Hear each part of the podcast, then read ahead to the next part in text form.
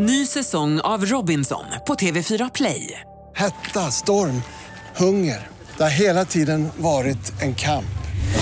Nu är det blod och tårar. Fan händer just nu. Det. är Detta är inte okej. Robinson 2024, nu fucking kör vi!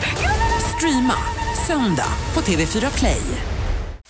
Hej, jag heter Gry Forssell och du lyssnar inte på radiostationen Mix Megapol. I alla fall inte just nu, för du ska ju precis höra ett nytt avsnitt av Mord mot mord. Men först vill ju vi säga hej.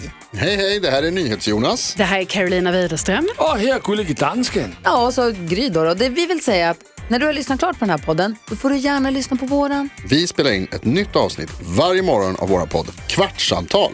Och hela radioprogrammet blir ju också en podd om man är väldigt morgontrött eller så. Just det, om man missar morgonen ja. Men mest av allt så får du gärna lyssna på programmet i direktsändning varje morgon på Mix Megapol. Live varje morgon från klockan sex och då har vi med oss massor med vänner också. Thomas Bodström, Babben Larsson, Johan Pettersson, Christian Luuk. Massor med coola människor som bara dyker upp och gör livet bättre. Ja, som jag, Gullige Dansken. Exakt så. Och så mycket bra musik och annat skoj såklart. Så vi hörs när du vaknar på Mix Megapol. Podplay.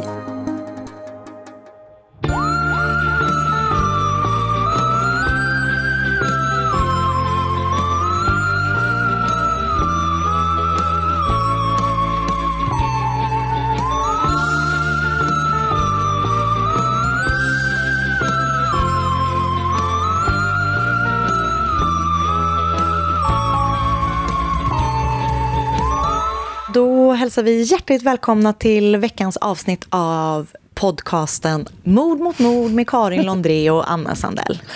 Det är så bra att klargöra att det är en podcast. Precis. Att Jag det tycker ändå det är viktigt. verkligen att det är någon som tro- trodde att det var typ ett så lekprogram. som har försökt göra olika utmaningar intensivt. Nej, det är en podd eh, och vi gör den som vanligt även denna veckan. Det gör vi, till med varandra. Som med varandra. Ja, jag känner mig lite förvirrad, jag ska vara helt ärlig. Varför det? Ja, men eh, vi hade ju fest i helgen då. Och eh, som jag sa till dig innan så har jag alltid trott att två dagars bakfyllor var eh, antingen en myt eller någonting som folk som är liksom lite så Känsliga. Sjåpiga har hittat på. Exakt. Typ jag. Typ du. Ehm, Men fast jag vet inte om du, jag vet inte, du, du kanske verkligen känner av en två, två dagars Jag bakfylla. gör verkligen det. Ja, ja, men det gör jag med, har det visat sig. Så att jag vill verkligen bara ge dig rätt i att det, Det är... gläder mig. eh, Synd om dig. Eh, dag två, också även mig nu då. Eh, nej men jag... Men jag tycker ju typ att det oftast är värre dag två. Nej men nu är du sjåpig. Ja, men för, nej, men så här, ska jag berätta varför? Japp. För att första dagen, då är man så inställd på att man ska må Ah, dåligt. Så ah. det handlar bara om överlevnadsmode. Du vet, Japp. man så här, eh, köper allt som man är sugen på, Mm. man dricker liksom två liter Fanta. Du vet, man tar sig igenom dagen. Japp. Medan dag två, då kanske man ska till jobbet. Ah, vara en helt Eller vanlig fungerande människa. Man, man för, exakt, man förväntas vara en helt vanlig fungerande människa. Ah. Och så är man inte det. Nej, och jag tror att det kan ha varit så att jag även tidigare har upplevt det här, bara att det har ju lite av en annan, alltså det är en annan känsla. Det är ju noll av det här, jag har liksom inte huvudvärk, jag mår inte illa, jag vill inte äta hela världen mer än vanligt, utan det är bara typ att jag är riktigt sopig liksom. Man är så trött. Alltså jag har liksom försökt, jag har ju skrivit ett manus, vill jag vara tydlig med. Eh, men det, det tog mig alltså hela dagen. Hela dagen idag har jag skrivit ett manus. Liksom attention span of a five year old. Det har inte varit... Eh, men jag tror det blir bra. Eller det blir det. Det blir bra. Jag har ett väldigt eh, intressant fall. Men, eh, ja, men det var bara att den, eh, den det liksom... Det tog mig med storm. var, jag fattar. Mm. Och eh, fattar. det känns lite, um, lite knäckande helt enkelt. Att det är tydligen så att jag är en gammal person. men men, Nej, du är i alla fall väldigt ung i sinnet. tack snälla. Du är minst, eller högst 15 år i sinnet. Vänta, nu kändes det som en diss. Nej, det var en komplimang. Okej, tack. Tack snälla. Hur mår du? Nej, men jag mår bra. Vi är ju som sagt inflyttade i vår nya lägenhet och det är eh, totalt eh, kaos här hemma. Har det blivit mer eller mindre kaos sen vi pratade förra veckan? Alltså ett helt annat sorts kaos. Perfekt. För förra veckan så hade ju inte alla våra grejer kommit eh, till lägenheten. Så att då var det liksom att vi hade ett kaos som var så här, shit vad mycket grejer vi har. Fick undan ganska mycket, liksom ganska snabbt. Oskars föräldrar var här och hjälpte till. Eh, sen blev ju Sigrid sjuk och vi fick in mer grejer. Och nu är det bara som att vi eh, flyttar runt saker Just det. eh, i lägenheten. Mm, en underbar känsla. Ja, och eh, vi, du vet, skulle... Vi hade inga garderober. Ja, du vet. Nu har vi Oscar, underbara Oscar, har fixat våra garderober. Och eh, nu eh, lever vi inte längre ur eh, åtta Ikea-säckar med blandade kläder. Just det, just det. Vilket i sig känns skönt. För det, du vet, i morse när jag vaknade, innan garderoben hade kommit upp, så var jag så, undra vad mina underkläder är. Fick du go commando? Det gjorde jag. Jag gjorde det en vecka. Hade heller inga byxor, så det var liksom Så det var kavaj. riktigt stel stämning på jobbet. Yeah, I'm moving, you know, can't find my underwear. It's Or my shame. pants. det är som det är. Eh, Men eh, det känns eh, så himla härligt faktiskt att vara här i vårt nya hem. Ah. Ah. Och som jag sa förra veckan, se fram emot att få bjuda hit er på en brakfest. Och då säger du, då menar du när du säger ni, eller Då är det er, du, Marcus och Sally. Mm. då, så inte alla lyssnare. Jag bara kollar. Nej, jag, jag tycker bara att det är Nej, bra att vi liksom tydliggör. Ja, vi kommer inte få plats alla lyssnare här. Så det blir det, så stort har du ni tre och vi tre. Ah, Okej, ja men bra. Vi När vi så. köper Versailles så, så bjuder jag alla poddlyssnare. Just det, just det. Eh, På, på garden party. på garden party. Jag kan inte släppa in alla i hemmet. Okej, men bra. Då har vi Mm. någonting att se fram emot. Det, det är ett löfte. Mm, jättebra. Eh, har du liksom något, har du hunnit med att kolla? Vi har ju inget internet i lägenheten. Eh, så nej.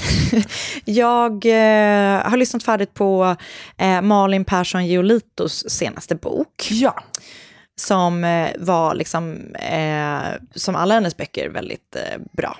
för jag har ju bara, jag har läst Störst av allt, tror jag. Mm. Och ju sett serien såklart. Och den var ju, det var ju liksom en toppen läs, läsningsstund. Mm. Jag har inte läst någon av hennes andra. Den här, okej, den störst av allt är den, ehm, alltså med råge den bästa boken, måste jag väl ändå säga. Ja. Eh, men eh, det är liksom det där, det, det, det hon gör då, som hon gör ju störst av allt, är just det där typ att man kan, du vet, vad är det som har hänt Ja, just det. egentligen? Bakifrån perspektivet typ. Ja. Och eh, den här utspelar sig liksom, eh, det är så gäng, eh, det är två unga killar som är, alltså de är typ 13 eller 14. Ja. Som har blivit involverade liksom i så, du vet, börjat ta droger väldigt tidigt. Och Ja. du vet, så här, springer, den, är, den är väldigt eh, hemsk, Ja. faktiskt. Rakt igenom. Men, men bra. Så den kan man eh, läsa eller lyssna på tycker jag. Bra, bra tips ändå. Och Mm, eh, ja, men det är typ, för du vet, jag, jag läser ju och lyssnar ju typ inte på deckare. Eh, men att det ändå är så här, den var ju ändå lite så här, ja, ja men det kan jag verkligen tänka mig på en god semester. Mm, precis, det är en bra, precis. Jag, jag läser ju och lyssnar på mycket deckare för att jag tycker att det är så lite skön förströelse. Ehm, för att det är ofta så himla lättläst. Japp, det pågår. Ehm, och man det pågår. sugs in direkt. Ja, det gillar jag. Eh, så att, precis, en bra, eh, och för andra människor kanske det är mer semesterböcker. Som är lite mer, har lite mer djup, mm, liksom, Det är privat. också, jag tänker, nej men vet du vad jag också tänker att det är? Att det blir ju förströelse i eh, ett liv där man typ konsumerar så himla mycket verkliga brott. Så känns det typ lite skönt att konsumera något som är inte på riktigt. Nej, jag fattar vad du menar. Kanske är det så. Det- Alltså, jag ger dig bara en, jag ger dig en möjlig annan förklaring än att Tack. du vill att det ska vara lättläst. Det är väl någon kombo kan Ja, man väl kanske. kanske.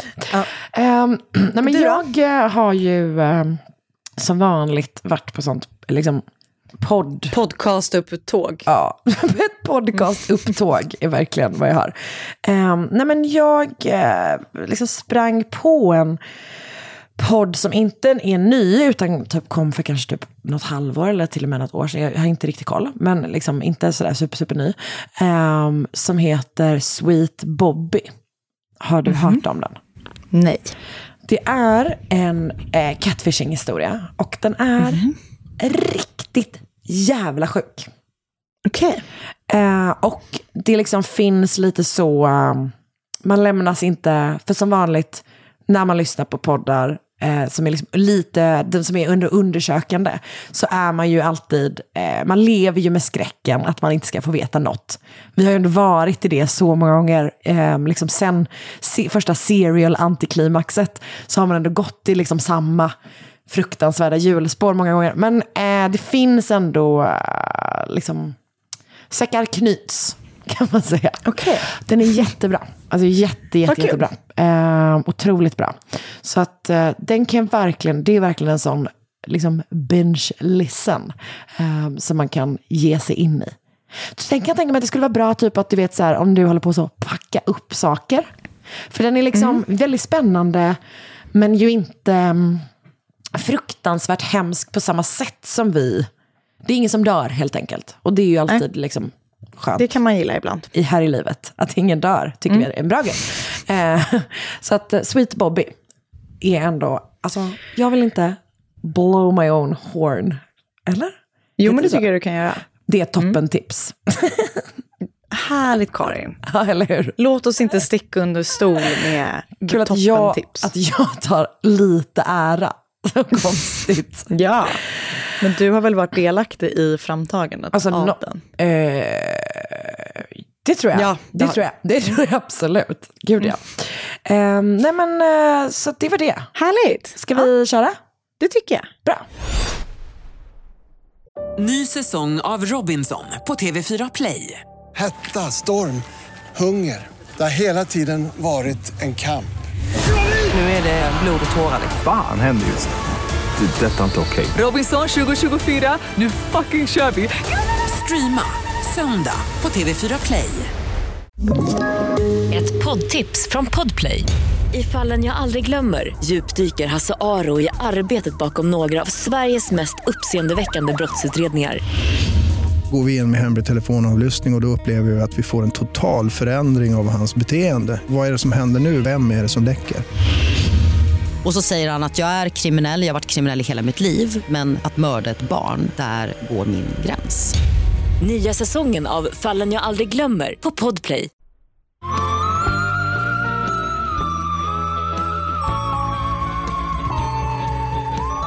I februari 1955 så föds en flicka i Woolwich i södra London eh, som inte får en särskilt lätt start på livet. Hennes mamma eh, var gift, men inte med hennes pappa. Och eh, hon bestämmer sig för att inte behålla det här barnet. Så att bara tio dagar gammal så placeras flickan som får namnet Penelope, men kallas Penny, i ett fosterhem. Och först som tolvåring så träffar hon då sina biologiska föräldrar igen. Och Penny gift sig som 17-åring redan. Hennes första man heter Melvin och de får två döttrar liksom innan Penny har fyllt 23. Så det är så här, hon är fortfarande jätteung men liksom tvåbarnsmamma. Och två, ytterligare två år senare så tar hon med sig, jag vet inte vad vi sa ytterligare, för jag hade inte nämnt någonting om två år. två år senare så tar hon med sig barnen och lämnar honom eftersom han är våldsam mot henne. Och efter det här så utbildar sig Penny till revisor och hon börjar jobba inom armén. Eh, och som 26-åring gifter hon sig igen. Den här gången med en man som heter Tony. De skiljer sig bara ett par år senare eftersom Tony är homosexuell.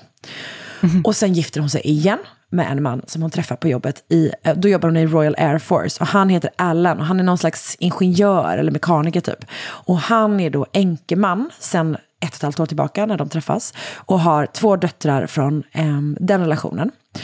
Så nu flyttar liksom alla in tillsammans i ett hus i Lincolnshire och snart är Penny gravid. Så hon föder parets eh, gemensamma dotter Isabelle i oktober 1990. Och bara två år senare så är även det här äktenskapet över. För Alan har då kommit hem efter att ha varit stationerad i Saudiarabien. Och han har insett att Penny har inlett en relation med en annan man när, hon var, när han varit borta. Och så paret liksom skiljer sig efter det här. Eh, Och tragiskt nog så begår Allan självmord 1993 efter att den här liksom relationen har gått i kras. Penny fortsätter träffa mannen som hon har varit otrogen med. Och de är snart liksom så här, ja, men öppet ihop. Ehm, och han heter David Jackson och föddes i Birmingham 1942 eller 43, lite osäker. Han har jobbat sig upp från menig till överste löjtnant inom militären och det är då i det jobbet som han träffar Penny. För hon har då bytt flygvapnet till liksom armén. Ehm, och Davids Eh, David fick två döttrar och en son med sin första fru, som han sen var otrogen mot med en kvinna som heter Sheila, som blir hans andra fru. Och sen är han otrogen mot Sheila med Penny. Så båda två är gifta med andra när de börjar ligga med varandra. Men de skiljer sig och 1996 så gift sig David och Penelope och hon tar hans efternamn Jackson. Så eh, Penny och Alans dotter Isabelle växer upp och kallar liksom David för pappa för hon har ju förlorat sin biologiska pappa Alan. Och eh, familjen, så att, som jag förstår det så är det liksom de tre som är, alltså hennes döttrar från den här första relationen är typ inte med så jättemycket vad, som jag har förstått utan det är liksom de som är, de är ju redan ganska alltså, jag börjar ändå bli lite större redan Mm. där. Liksom. Ehm, så att de, den här familjen, de här tre, flyttar runt en hel del på grund av att de har de här karriärerna inom militären. Så de bor i Tyskland något tag, de bor i Frankrike något tag och sen återvänder de till England och bosätter sig i Somerset. Och där går liksom åren och till slut har båda två gått i pension och kan ägna sig åt sina intressen. De verkar ha typ ett så här väldigt lugnt, traditionellt pensionärsliv. De gillar att åka på kryssningar. David gillar att spela golf, typ. Penny gillar att shoppa och typ, träffa sina vänner. Båda två gillar att så här, fixa i deras trädgård och de bor i liksom en, så här, ehm, ett, en enplansvilla i den sömniga lilla staden Barrow i Somerset. Så på ytan är allting helt vanligt. Men folk som är liksom närmare det här paret, alltså typ alla grannar och sånt, är så här, de var jättebra grannar, de är helt vanliga personer typ. Men folk som är liksom närmare dem har inte bara bra saker att säga om den här relationen. Ehm, för redan tidigt har liksom hemska saker hänt i det här förhållandet. För bara något år efter att David och Penny gift sig så drabbas familjen av en enorm tragedi när Davids son, son Gavin begår självmord. Och han gör det, det här är verkligen fruktansvärt sorgligt, han gör det efter att han har avslöjats, alltså att det har avslöjats att han har varit otrogen mot sin fru, eh, som också var gravid när han var det. Och han skriver i sitt självmordsbrev att han inte vill vara som sin pappa. Så det är liksom pff, fruktansvärt mörkt. Ehm, och så åren efter det är liksom helt förståeligt liksom de värsta i Davids liv typ. Ehm, Mm. Och vad som är mindre förståeligt är hur han då agerar alltså, mot sin fru under den här tiden. För han blir liksom våldsam mot henne. Ehm, så Isabelle minns framförallt tre tillfällen under hennes barndom som liksom då David betedde sig eh, alltså extra illa, eller vad man ska säga. För vid ett tillfälle så, hon typ ligger och sover och sen kommer han och väcker henne och eh, tvingar henne att gå upp och hämta en mugg som hon har köpt till sin mamma som hon ska få eh, på mors dag. Och sen typ slår han sönder den framför Penny. gud. Vid ett annat tillfälle så kommer hon hem från skolan och liksom ser David trycka upp Penny mot väggen. Och eh, efter den incidenten så liksom blöder Penny näsblod. Och vid ett annat tillfälle när Davids två döttrar, hans, ett av hans barnbarn och hans mamma hälsar på dem, jag tror att det är i Tyskland, ehm, så trycker David upp Penny mot en vägg och håller en kniv mot hennes hals. Så att det är liksom fruktansvärda saker som händer i det här hushållet. Liksom. Eh, men Isabelle, alltså hon minns också typ att hon och hennes mamma har lämnat David och bott på ett hotell vid typ något eller några tillfällen. Men att de alltid liksom har återförenats med honom bara någon dag efteråt. Och ehm, att han är liksom jätte ångerfull och du vet sådär liksom. Men ehm, efter ett par år av att David har gått i terapi så eh, liksom i Isabells ögon åtminstone så har han då slutat liksom med det här våldsamma beteendet. Alltså hon har inga minnen av att hon har sett saker efter Nej. 1998. Okej. Så att man vet ju inte liksom, men han har absolut, det finns verkligen vittnen som bekräftar att han har varit eh, alltså våldsam mot henne. Och vad Davids döttrar säger om det här tillfället med kniven i Tyskland vet jag inte. Men de är liksom inte förtjusta i Penny heller. Ehm, de tycker att Penny är en narcissist som går igång på att göra människor obekväma. De tycker att hon typ är hånfull mot deras pappa och typ gillar att göra honom obekväm också. Så att det är inte, det är inte toppen helt enkelt. Nej, det Och- låter inte som det. Alltså de verkar också vara så här, även efter de här, den här liksom 98 då när Isabelle säger att hon inte har sett mer våldsamt beteende så är de ett liksom fruktansvärt, alltså, liksom ett, liksom, det är en toxic relation om du förstår. Alltså de är, de är jättebråkiga mot varandra och typ Mm. hugger på minsta lilla och de är eh, verkligen inte snälla mot varandra. Typ. Men det är liksom ingen... Vad jobbigt det låter. Ja, men du vet, det blir som en sån... Eh, bara att det bara är så. Att det inte är det att någon är så här, oj, de är på väg att skiljas typ. Utan det är bara alltid att de håller på att tjafsa liksom. Och det liksom känns som en sån, du vet en sån married with children. Alltså sån liksom sitcom eh, bråkighet. Fast liksom ännu värre, Värre. typ.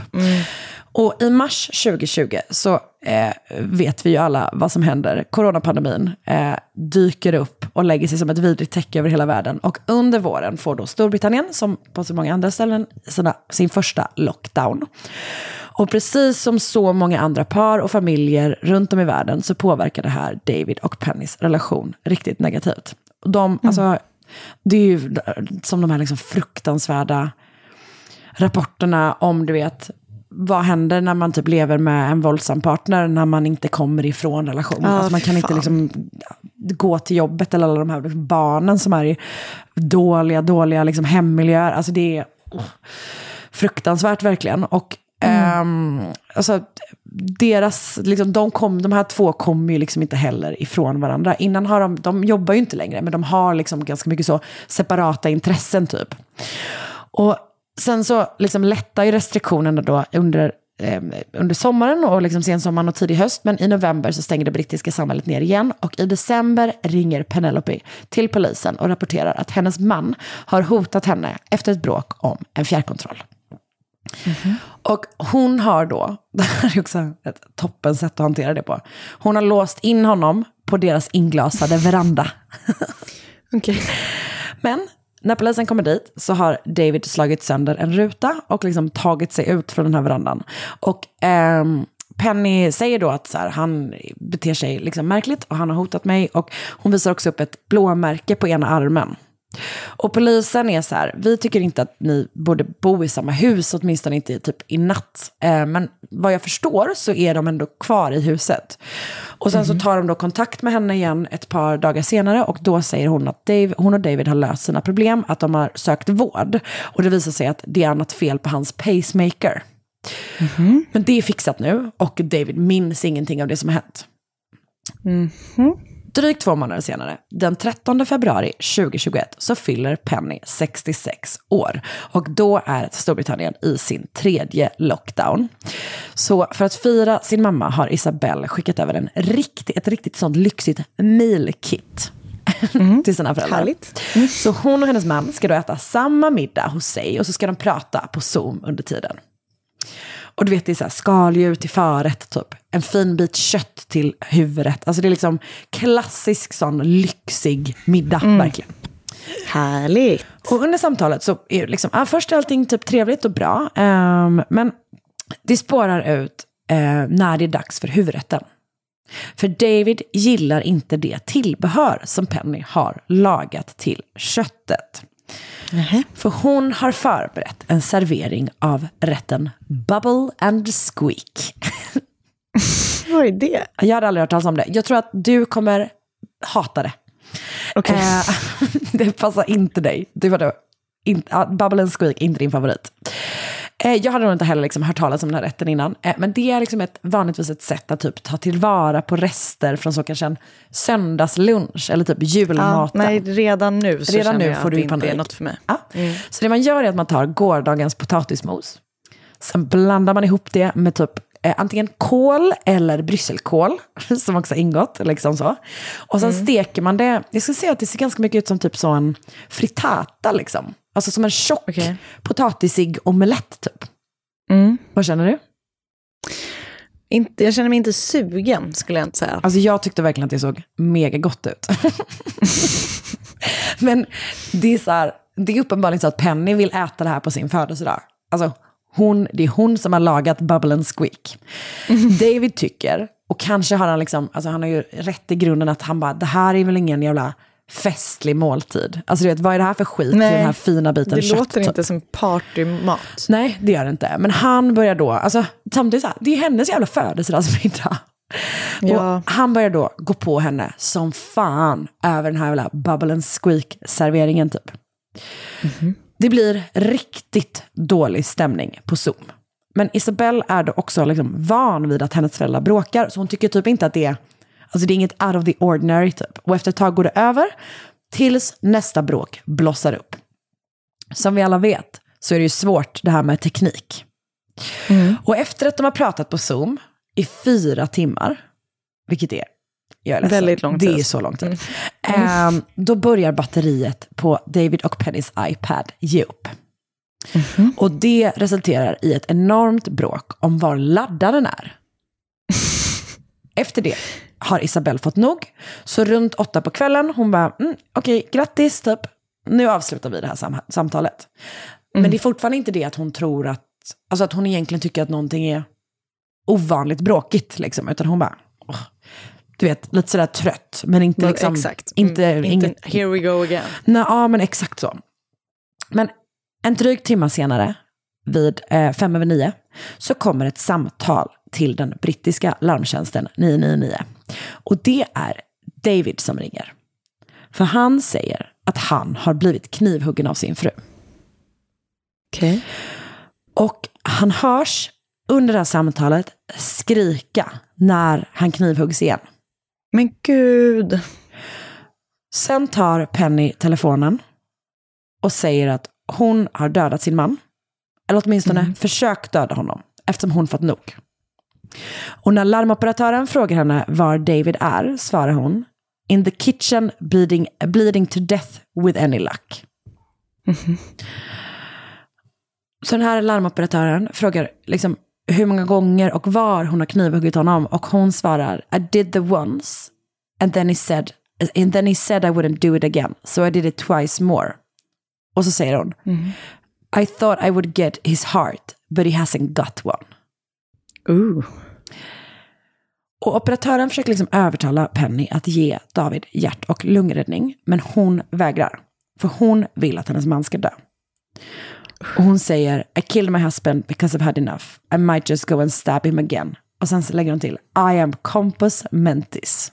Som alltså är att man är liksom, b- psykiskt med, eller vad man ska säga. När polisen kommer till huset drygt 20 minuter senare så öppnar Penny dörren i pyjamas. Och när polisen säger att hon är under arrest for attempted murder svarar hon yeah, well, hopefully not attempted. Hon erkänner allt och säger att hon har gjort det för att hennes man var en våldsam mobbare och hon har tröttnat. Och hon, allting hon säger är liksom så extremt matter of fact. Alltså hon är som en... Du vet att hon typ säger så här, hon bara, I, I bet you haven't arrested anyone in wearing a Marks and Spencer pyjama before. Alltså hon är liksom, hon är helt... ehm, hon, är, Gud, hon, är som en, hon är verkligen som en sån vanlig liksom brittisk tant. Som är väldigt, väldigt matter of fact. Men hon pratar om att hon har mördat sin man. Alltså det liksom är, bilden är, det går liksom absolut Så speciellt. inte ihop typ. Och grejen är att eh, allting finns filmat på en sån, av en sån du vet, kroppskamera på polisen. Mm. Och eh, även det här larmsamtalet finns. Och det är liksom bland eh, det konstigaste man har hört och sett typ. Eh, Så att när hon kommer till polisstationen så häktas hon igen. Och återigen, det här filmas med liksom. Och den här gången då inte för försök till mord, utan för mord. Eftersom David har avlidit av de tre knivhugg hon har utdelat. Ett i bröstet och två i magen. Och när hon säger det så säger hon typ så. Oh, no longer attempted, good, typ. Men gud. Och sen typ skojar hon med polisen som typ, eftersom det här är under, liksom, mitt under coronapandemin så tar de, alltså, har de, tar de tempen på henne med en sån, alltså så fort hon kommer in till polisen liksom. Och då säger hon typ, hon bara så här, gud hade inte det varit så typiskt om jag fick covid on top of this typ. I huset hittas en lapp som Penny har skrivit där det står To whom it may concern. I have taken so much abuse over the years. Look at my records in Germany. But he was a good daddy. However, the mask slipped tonight and that was unforgivable. I accept my punishment. May he rot in hell. Dagen efter så vill Penny inte längre prata med polisen utan istället lämnar istället ett nedskrivet erkännande. Och det här är då hennes berättelse. Allting om vad som hände är ju i hennes ord såklart. Mm. Eh, om liksom hur den här kvällen har eh, ballat ur efter det här Zoom-samtalet. Så hon och David fortsatte bråka och hon var så upprörd och rädd att hon gick och la sig med en kniv under kudden. Och då ska David typ ha kommit in efter henne i sovrummet och liksom fortsatt typ. Och sen har han gått och lagt sig i gästrummet. Då har hon gått in dit. Och så har hon visat kniven och sagt att hon tänker ta livet av sig. Och hon förväntade sig då att han skulle så, be om ursäkt och typ vara så här, ja, det här, gör inte det, typ, förlåt, liksom. Och lugna henne. Men istället så hånar han henne och säger att hon är patetisk och är lite så, ja men gör du det då. Och då är det som att någonting har vänt i hennes huvud. Och hon har tänkt, varför ska jag dö när det är du som är problemet? Och sen har hon då knivhuggit David i bröstet. Han har, enligt henne, fortsatt håna henne även efter det första knivhugget. Och varit så, du lyckas inte ens med det här. Efter det här så har hon då skrivit den här lappen medan han då har ringt 999 och sen har hon kniv, knivhuggit honom två gånger till och därefter pratat med den här larmoperatören. När den här rättegången eh, mot Penelope Jackson börjar då hösten 2021 så ligger fokus på att försöka reda ut hur deras relation har sett ut innan mordet. Det vill säga, eh, har hon utsatts för det hon säger att hon har utsatts för? Liksom. Och hon berättar att han har varit våldsam och kontrollerande under många, många år. Att han har bestämt över liksom allt, till och med du vet, så här, vad hon får se på tv. Att han har liksom, han har, och typ vilka hon har träffat, alltså verkligen varit väldigt kontrollerande. Och han har dessutom då både slagit och våldtagit henne och utsatt henne för psykisk misshandel under ett, åtminstone ett decennium. Och hon har varit jätterädd och dessutom liksom känt en enorm skam som gjort att hon inte känt att hon har kunnat lämna honom. Och dessutom har hon typ, tyckte hon att, så här, att han var en sån himla bra pappa till Isabelle och att hon inte ville förstöra det. Och Isabelle vittnar ju då och styrker då som sagt att David har varit våldsam mot Penny. Eh, att hon såg det hända flera gånger under sin uppväxt. Men att hon inte då har, har sett och hört det mer. Sett och hört mer än hemska, hemska bråk efter 1998. Så att hon har ändå en bild av att hennes barndom, utöver de liksom, jättehemsk, den jättehemska perioden, efter det var bra. Liksom. Mm. Och Davids döttrar vittnar då som sagt att Penny varit den som varit elak av de två. Men eh, åtminstone en av dem har inte haft någon kontakt med sin pappa på väldigt lång tid. Liksom. Så att man vet ju aldrig hur, alltså så, vad, vad som är liksom eh, sant. Men oavsett så är det här beteendet som hon har efter att hon har gjort det här, är ju ett helt absurt beteende. Alltså förstår du vad jag menar? Mm. Typ att liksom, Ja. vad det än är, så är det hur hon är i samband med det här. är Alltså jag har nästan aldrig sett något liknande. Och du vet, då har vi ändå sett om många jävla fall. Men det här är liksom beyond typ. Ja, och sen är det också väldigt. så att även om han var ett, alltså, han, han borde ju ändå inte dött, såklart. Liksom. Nej. Eh, men det handlar då liksom så här, alltså Penny erkänner sig skyldig, men på grund av situationen i deras relation, inte till mord, utan till dråp. Så det är liksom det som juryn ska då ta ställning till, alltså huruvida hon har gjort sig skyldig till mord eller inte. Och till slut kommer åtta kvinnor och fyra män överens om att hon ska dömas för mord. Det är en majoritet om eh, tio för och två emot. Och eh, i sitt uttalan, eh, utlåtande säger domaren Martin Picton att i have no doubt you intended to kill your husband and, and it was a premeditated murder. Your behavior shows a shocking level of callousness. Och hon döms då till livstidsfängelse med möjlighet till villkorlig frigivning efter 18 år. Och där, alltså rätten väljer att gå helt emot hennes historia om liksom det våld som hon eh, menar att hon har utsatts för. Och som sagt, det är ju Eh, det, att de har haft en riktigt jävla dålig relation. Det råder det ju inga tvivel om. Liksom. Nej. Och det finns vittnesmål. Men hur situationen var just då är ju liksom... Det är det här vanliga, man vet aldrig vad som pågår bakom lyckta dörrar. Lyckta dörrar. Mm. Men alltså, jag kan verkligen eh, ändå rekommendera alla att se det här klippet. Typ, för att det är, och alltså, det är, eh, det är liksom en liten brittisk tant i ett sånt litet sömnigt brittiskt, en brittisk stad. Alltså, det ser helt, det är liksom helt wacko Mm. typ. Och det som händer då är att när polisen släpper det här larmsamtalet och den här videon så blir videon mega viral. Hon blir typ ett meme.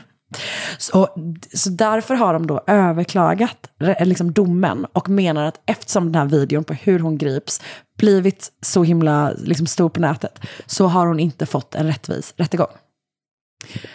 Och eh, det är liksom det sista som jag har sett om det. Eh, hon, eh, sa jag att hon dömdes till livstidsfängelse? Nej, det sa Ja, jag. men Just- ta chans till frigivning efter 18 år. Mm. Tänk vad du lyssnar noga på mig. Var det ett test? Nej, det var verkligen inte det.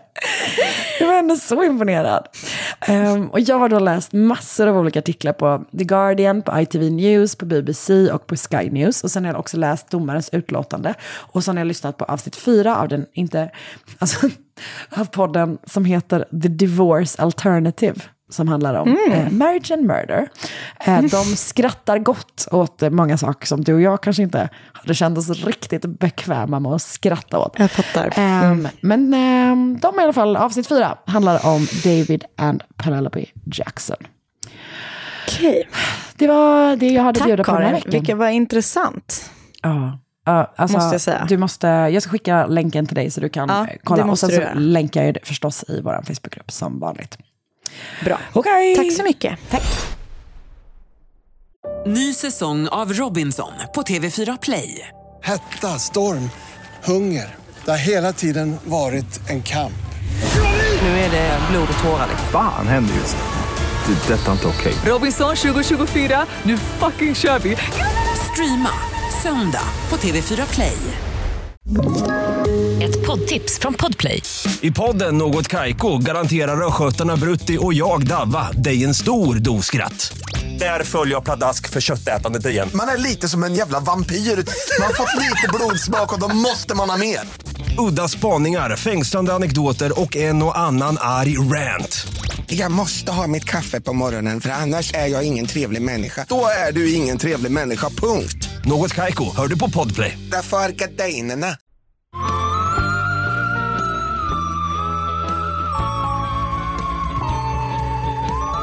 Idag då ska vi tillbaka till underbara Australien, Down Under. Vi ska till Manly i Sydney, där Andrew Kalisic bodde och verkade. Andrew föddes 1941 och han hade föräldrar som hade invandrat till Australien från Jugoslavien. De hade kommit till Australien utan någonting överhuvudtaget. Hans pappa Andrew, alltså Andrews pappa hette också, Också Andrew. Andrew den äldre. Precis. Eh, började då, när han kom till Australien, så började han, han gav sig in i fiskindustrin. Så han eh, förstörde till sig som fiskhandlare och startade så småningom även en fish and chips eh. Oh, gud vad sugen jag blev på det nu. Ja, så gott, eller hur? så gott. Jag är så sugen på att gå på en riktig pub och dricka eh, en sån här stor öl och äta fish and chips. Det gör vi. Det gör vi när jag kommer till Stockholm. Oh, Mysigt. Fan vad mysigt. It's Bra. a date. It's a date. Eh, och familjen då flyttade runt i Australien när Andrew växte upp och till slut så hamnade de då i Manly. Och det var där de öppnade då den här eh, fiskaffären, fish and chips-restaurangen Ocean Foods, som gjorde succé. Och det verkar som att den gjorde det, liksom, kanske även idag, men i alla fall liksom långt efter att de öppnade den. Ehm, för jag inser att när jag, den artikeln jag läste där det stod att den fortfarande eh, gjorde succé var från 1988. Så att, eh, men... ehm, Okej, så när jag föddes, succé. då, då var den fortfarande succé. eh, 2022, Vi vet troligt att den gör det fortfarande. Ja. Eh, och Andrew då, den yngre, han blev tidigt intresserad av att göra affärer och han hjälpte sina föräldrar i liksom, butiken slash restaurangen med både det ena och det andra. Och han skulle då kun, komma att göra en så kallad raketkarriär. I mitten på 80-talet, när han var då eh, dryga 40, så hade han kommit en lång väg ifrån det ganska enkla livet han hade när han växte upp då, liksom innan de startade då Ocean Foods. Han var delägare i Manlys finaste hotell. Han var vd för Manlys handelskammare. Han var medlem i New South Wales eh, turistkommission och var liksom lite av en kändis i samhället. Det beskrivs som att han var Manlys okrönte konung och sägs vara den som fick Manly på kartan igen som en plats för surfälskande turister och australiensare. Wow! Det är inte litet. Han var liksom, Och det var liksom han som fick starke man. Ja. Och det, liksom, han var den som fick liksom Manly att börja liksom konkurrera med Bondi Beach. i Liksom, surf Okej, då vet man. Då vet man. Det säger inte lite. Nej. Manly är faktiskt jättefint. Har du varit där? ställe. Mm, det har jag. Men du åt inte på... Inte på Ocean Foods faktiskt. Nej, det gjorde jag inte. Eh, Men jag åt mycket friterat under min tid i Australien. Det ska jag inte sticka under stol Du med. vet vad, jag ska säga. Manly Ocean Foods, the best fish and chips in Manly. Ja. Finns kvar. 4,8 på Facebook. Den googlingen hade jag kunnat göra också. Men jag är våran googlare, det vet vi. Det vet vi. Det är helt rätt. Det är inte mer med det. Japp.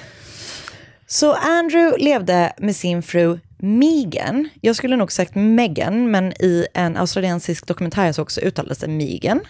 Så att, eh, om jag säger Megan så är det fel. Blanda Ehm, så vet du att något av det blir rätt. Exakt. Som han hade träffat 1962. Och de hade då två barn tillsammans som hette Michelle och Andrew Jr. Så då har vi tre Andrew i samma familj. Alltså, jag fattar inte varför de gör så. Nej, jag fattar inte Det är heller. så förvirrande. Det är så förvirrande verkligen och så himla onödigt. Också bara, Ehm, alltså, det finns fler namn. Mm. Ja. ja. Man kan ju, ja. Eh, det, det är säkert någon sån, eh, finns säkert någon tanke bakom det. Ehm, de bodde i ett stort fint hus precis vid vattnet i hamnen inne i Manly. Och eh, Megan beskrivs, ehm, jo, hon var partner, liksom, eller hon jobbade liksom i flera av Andrews bolag och du vet, så här, hjälpte till med olika saker. Eh, och hon beskrivs som en otroligt vänlig och god person. Andrew och Megan, Megan och deras två barn verkade då helt enkelt leva det perfekta livet. Så tänk chocken när Megan natten till den 27 januari blir, 1986 blir skjuten till döds med två skott i huvudet i parets säng med Andrew liggandes precis bredvid sig. Andrew klarar sig med nöd och näppe från de två skott som också avfyrades mot honom genom att rulla ur sängen. Efter skytten har då avfyrat fyra skott sticker han illa kvickt från huset och Andrew larmar polisen. Till huset kommer då både ambulans och polis och ambulansen då konstaterar att Megan är eh, död. Hon har avlidit i parets säng. Och polisen som kommer till platsen tycker direkt att det är något fishy med det hela. Pun intended. Var det kul? Eller inte? Jag vet inte. Alltså, det roligaste var hur nöjd du ändå var. Ja, Det var okej. det som gjorde mig glad. Det var inte superstarkt, men lite. Jag hade det. Ehm, Jag hade något. Det hade något. De hade sällan, om någonsin, upplevt att någon hade blivit skjuten när den låg så i sängen bredvid någon. Och det faktum att då Andrew inte hade blivit träffad av två skotten som avfyrades på nära håll, rakt mot honom då, tyckte de var väldigt konstigt. Så de är på high alert.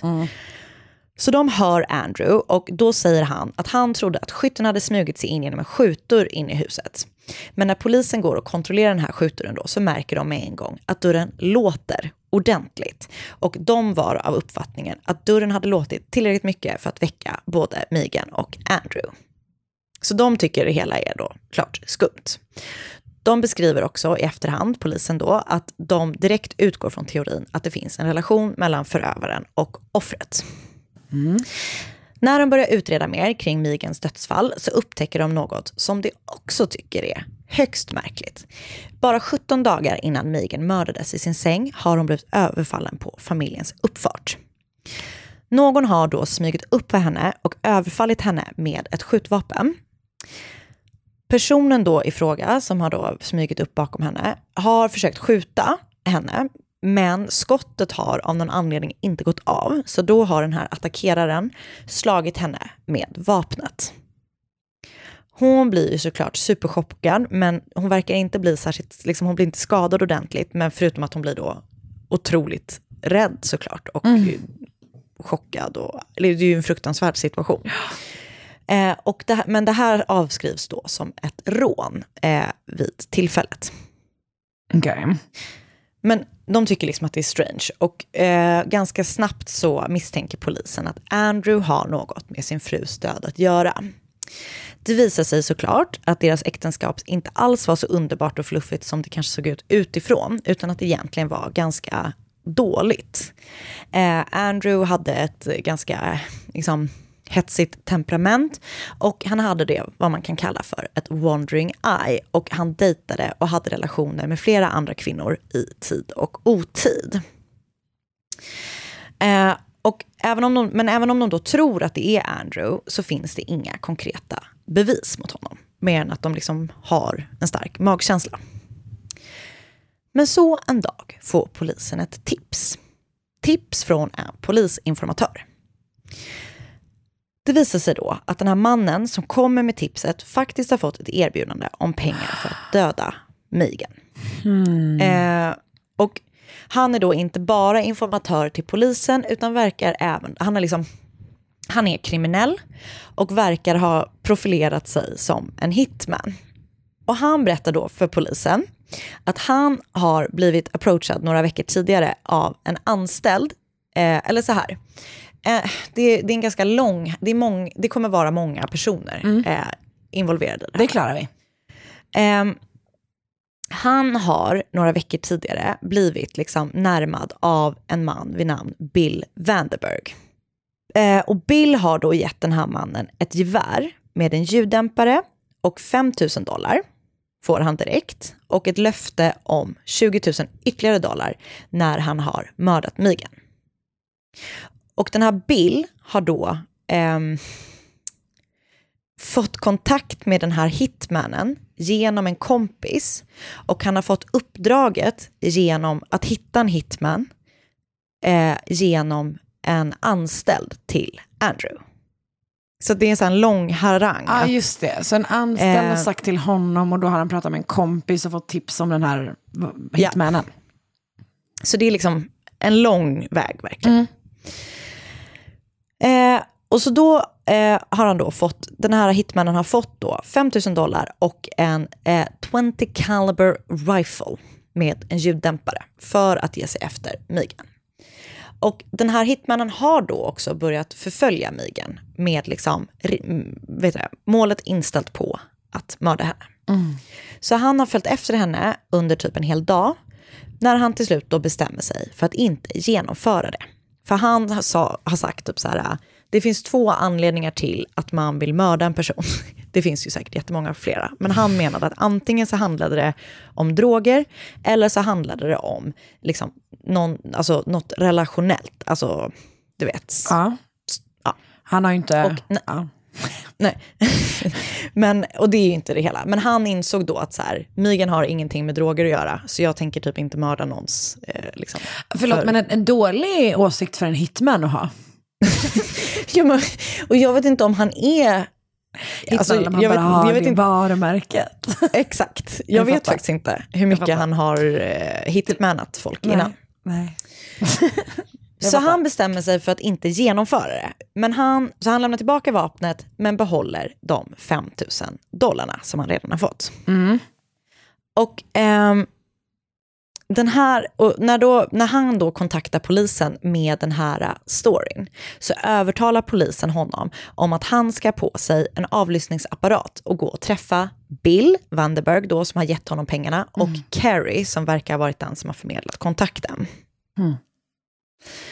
Och när de eh, ses då så framgår det inte vem som har beställt mordet, men det framgår att de båda vetat om mordet i förväg och så även en tredje person vid namn Warren Elkins som då var business partner eh, i Andrews hotell. Det verkar som att han var disco manager på hotellet. Hmm. Så fortfarande finns då inga liksom, eh, konkreta bevis mot Andrew, för de har fortfarande inte pratat om honom.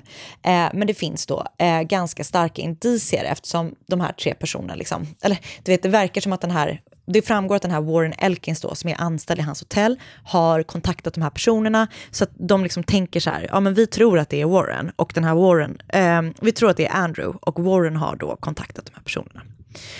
Så eh, polisen lyckas i alla fall få till en husrannsakan hemma hos Bill Vanderberg. När de kommer dit så erkänner han snabbt att han är ansvarig för mordet på Megan. Han berättar att han har tagit sig in i familjens hus, smugit sig upp till sovrummet och skjutit Megan. Och sen har han då skjutit i kudden, alltså Andrews kudde, efter att han har rullat ner från sängen. Precis så som de har kommit överens om. Vapnet berättar Bill att han efter det har slängt i Lane Cove River, som var samma flod som vi pratade om i Ja, några just tidigare det. Mm. Den som luktar Eh, äckligt. Precis. Polisen hittar vapnet och kan bekräfta att det är det vapnet som har använts för att mörda Megan. Okej. De gör även eh, husrannsakan hemma hos den här Carrie då, som är kompis med Bill. Och eh, alltså han som har då förmedlat kontakten på något vis. Mm. Eh, och när polisen kommer dit så säger han, jag vet varför ni är här. Ni är här på grund av den kvinnan som Bill mördade. Okej. Eh, men trots då att Carrie säger det här och Bill berättar att det är han som har mördat Megan, så vill han inte berätta om Andrew har varit involverad. Han pekar däremot liksom ändå åt eh, Andrews håll på sätt och vis, för han pekar då på den här Warren Elkins då, som var Ah. disco manager på Andrews hotell. Och den här Warren då, när de pratar med honom, han tvekar inte, utan berättar direkt att Andrew har bett honom att lösa mordet på hans fru. Warren har sen då hittat alla de här männen i den här så kallade mordkedjan genom att då, han har liksom gått till Kings Cross, träffat Bill Vanderberg, eller du vet, så här, kom, ja, han har liksom satt igång hela den här apparaten för att hans chef typ har bett honom att göra det. Det visar sig också att eh, det var Bill då som var skyldig till det här första överfallet av Megan, det här misslyckade mordförsöket på familjens uppfart. Och han ska även berätta att han har försökt mörda henne tre gånger innan det, så att det är totalt fem eller sex Som hon inte mordförsök. ens har märkt. Ja, för du vet, det var någon gång där de har låst upp dörren, för att eh, alltså, eh, de, dörren har varit upplåst för att han ska kunna smyga in, men sen har då eh, alltså Migans mamma som bodde hemma hos dem låst dörren och hon har gått och lagt sig. Det var någon gång han kom hem när han såg att deras son satt och kollade på tv, så då fick, du vet, så stack han. Så det har varit flera sådana tillfällen där han har dragit sig ur då. Och sen då det här sista när hon då liksom ändå kom på honom, eller vad man ska säga. Så det har liksom varit ehm, a long time coming. Tyvärr så hade de liksom, det var målinriktat verkligen. Eh, och eh, Warren, eh, Bill, Warren och Carrie grips och åtalas för lite olika delar av mordet på Meghan. Warren och Carrie eh, an- åtalas för conspiracy to kit- commit murder och Bill eh, åtalas för mordet på Meghan, eh, conspiracy to commit murder och assault. Andrew själv då, när han blir förhörd, säger att han och Megan kanske var måltavlor för något som hade med deras jobb att göra. Och han hävdar då såklart att han inte har något som helst med det hela att göra. Och då, polisen har då också, du vet, så här, parallellt, den här Warren har ju då liksom ändå pekat ut Andrew, men polisen försöker liksom gräva lite mer i motivet och de har då kontakt med flera av Andrews älskarinnor Ja. som intygar då på olika sätt att de har haft långtgående relationer, du vet när de planerat att gifta sig och du vet massa sådana saker. Så att man tror kort och gott då att han har gjort det här för att han vill få sin fru ur vägen så att han kan liksom inleda en annan relation. Och då undrar man ju igen varför man inte bara skiljer sig. Eh, The och divorce det vet jag alternative, ja. Mm. Exakt så. Nej, och det är ju den Eh. grejen som man aldrig förstår. Alltså det är ju just Nej. det där, det vet jag inte. För att det Nej. är liksom helt absurt hur någon kan tycka att så här, men det här känns som den enklaste utvägen. Typ. Nej, jag vet. Det är helt sjukt verkligen. Men det, är, vet, det kan ju varit typ en sån grej att han typ så här, inte ville dela med sig av pengarna och företagen också. Jag utgår typ från att det Ja. nästan måste vara det, Ja. men jag har inte hittat det någonstans. Det, polisen Alltså. kommer också fram till att de tror att även innan de här sex tillfällena där Bill eh, liksom försökte mörda Megan, så har Andrew 13 år tidigare försökt eh, liksom mörda Megan. För då har Andrew, Megan och Andrew Jr. varit med i en bilolycka där de åkte ut för typ alltså en klippa precis i närheten av deras hus.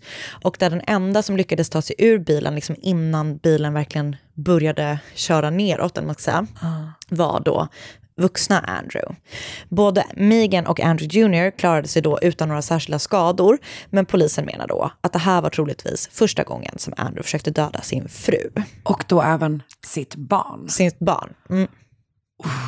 Och då hade han också, här, då 1973, så hade han också så en väldigt liksom intensiv eh, relation med en annan kvinna som också har uttalat sig väldigt mycket om vad som hände då under dem. Så, så då tror man liksom att det var första gången han kände då att han behövde komma ur relationen på något vis. Det är så jävla obehagligt att tänka att och hon har liksom gått runt och levt med en person som, Som så mörda gärna... henne. Exakt. Alltså det är liksom... eh, Det är skitläskigt. Så jävla mardröm liksom. Verkligen. Man kan inte ens eh, eh, comprehend. Ehm, men till slut då så grips även Andrew och åtalas för mordet på sin fru. Men han släpps eftersom det inte finns tillräckligt bevis som kopplar honom direkt till mordet. Men varför skulle de annars ha mördat henne? Nej, jag vet. Men när han kommer ut så verkar det som att han bestämmer sig för att städa upp lite. Han ger då Warren eh, 10 000 dollar för att hjälpa honom att få undan bevis som finns mot honom. Till exempel då så tror man att han ska försöka få Bill och Carrie ur vägen. Men på något vänster, eh, jag tror att det är Warren Elkins som berättar det här för polisen. Eh, och han grips då och erbjuds, erbjuds ett lindrigare straff mot att han vittnar mot Andrew i alla de här frågorna. Liksom. Så cirka 18 månader efter att Megan har mördats så ställs Andrew inför rätta. I rättegången så vittnar Bill, Carrie och Warren mot Andrew. Rättegången pågår i 12 veckor och efter de 12 veckorna så döms Andrew till livstid i fängelse trots att han hela tiden stått fast vid att han var helt och hållet oskyldig. Och familjen, du vet med hans barn och hans svärmor, alla liksom står bakom honom och tror att han är helt oskyldig. Oj. Carrie döms också till eh, livstid i fängelse och Bill likaså. Eh, Bill begick tyvärr eh, självmord i fängelse ganska nära på efter att han hade åkt in. För att han hade dels dåligt samvete tror jag för att han hade mördat Megan. Men det framgår som att det främst var för att han hade liksom fått sin bästis då, Carrie, att också dömas till livstid i fängelse. Warren då som vittnade mot Andrew fick eh, fem år i fängelse eftersom han då gjorde någon bättre deal med åklagarna än de andra två. Inifrån fängelset så fortsätter Andrew att hävda sin oskuld och han, får, han gör massa sådana resningsförsök och det liksom händer massa grejer. Och han är ju ganska, liksom, har ju ganska hög status i samhället så att det verkar ändå som att han har liksom resurser att anlita mycket advokater, han gör mycket grejer. Vid eh, en, en resningsrättegång eh, så, eh, som han då tänker ska hjälpa att fria honom så fyller den ett helt annat syfte. För att det som lades fram då för att försöka styrka hans oskuld styrkte istället åklagarens mening. Han skulle inte ha kunnat ligga i sängen när Megan blivit skjuten. Eh, liksom, då hade han dött om det hade gått till så som han eh, Som han beskrev eh, det. som han beskrev det. Och du vet, det var massa så forensic som var inne och tittade på kuddar, alltså vet, vad, liksom gjorde massor. Och det var då som sagt i ett försök att han skulle försöka eh, liksom rena sitt namn, men istället Han kom så fram till det. motsatsen. Exakt så. Eh, men trots allt det här så släpptes han fri eh, 20, efter 26 år i fängelset i februari 2012. Han hävdar fortfarande sin oskuld och hans familj står fortfarande bakom honom. Och han då när han släpptes 2012 sa att han var liksom fast bestämd vid att han ska liksom få polisen att du vet, ge honom resning typ, eller vad man säger i efterhand. För att de menar då att de var helt be- förbestämda på att han var skyldig och att de då liksom gjorde allt för att sätta dit honom. Eh, när han kom ut så gav han sig in i hotellsvängen igen, men på ett litet annat sätt. För när han kom ut då så lagade han mat och städade på ett Best Western hotell i Gorokan. Och vad han gör idag kan jag tyvärr inte hitta på internet. Tror du att han jobbar fortfarande på... Eller tror du att. Manly Ocean Foods finns i familjen fortfarande? Oklart. Kanske hos något av eh, Andrews syskon. Ja, eller typ att Ja, han var tvungen att sälja det för att han, för att typ så, du vet, pay for the legal fees. Ja, kanske. För eh, precis, han är idag då eh, 71 år. Eh, så han är ju liksom inte jättegammal, Nej. men man undrar ju om han någonsin liksom kan bounce back efter det. Eh, och det kan jag som sagt inte, jag kan inte hitta någonting från och med efter att det han släpptes 2012. Gud. Ja, så det var mordet på Megan Kalisic. Uff. Och jag har då sett en eh, Crime Investigation Australia, Contract to Kill. Eh, The Mornington Monster heter det avsnittet. Det är då två fall i ett. Eh, såklart Murderpedia, sen har jag läst ehm, eh, två artiklar på Sydney Morning Herald som heter Andrew Kalisic, The Man Who Wanted More av Malcolm Brown och Kalisic found, eh, Finds New Life Running a Modest Motel av Ehrman Duff. Wikipedia såklart och sen har jag också läst Häng kvar. Spännande. Jag kan inte, jag kan inte hitta. Jag har dem i en annan fil. Här. Jo, eh, Kalisic walks free after 25 years i The Examiner. Eh, Kalisic vows to pursue cops over jailing på news.com.au och Wife Killer Tangled in Own Web på The Queen Bayon H. Oklart eh, uttal där. Jag tycker det är bra. Mm, tack. Du, tack så jättemycket. Ja, men tack själv Karin. Och tack till er som har lyssnat även den här veckan. Och vi kan väl innan vi lägger på, om man säger, bara säga att ehm, 29 maj, livepodd Göteborg, kommer bli Längtar otroligt. Eh, det kommer bli så himla, himla skoj. Eh, Mm. Biljetter hittar man på stauppbolaget.se snedstreck mord mord mot mord. Mord mot mord. Mord mord mord. Okej, Hej då, tack för idag. Ny säsong av Robinson på TV4 Play. Hetta, storm, hunger. Det har hela tiden varit en kamp. Nu är det blod och tårar. Fan händer just nu. Det. är Detta är inte okej. Robinson 2024, nu fucking kör vi! Streama söndag på TV4 Play.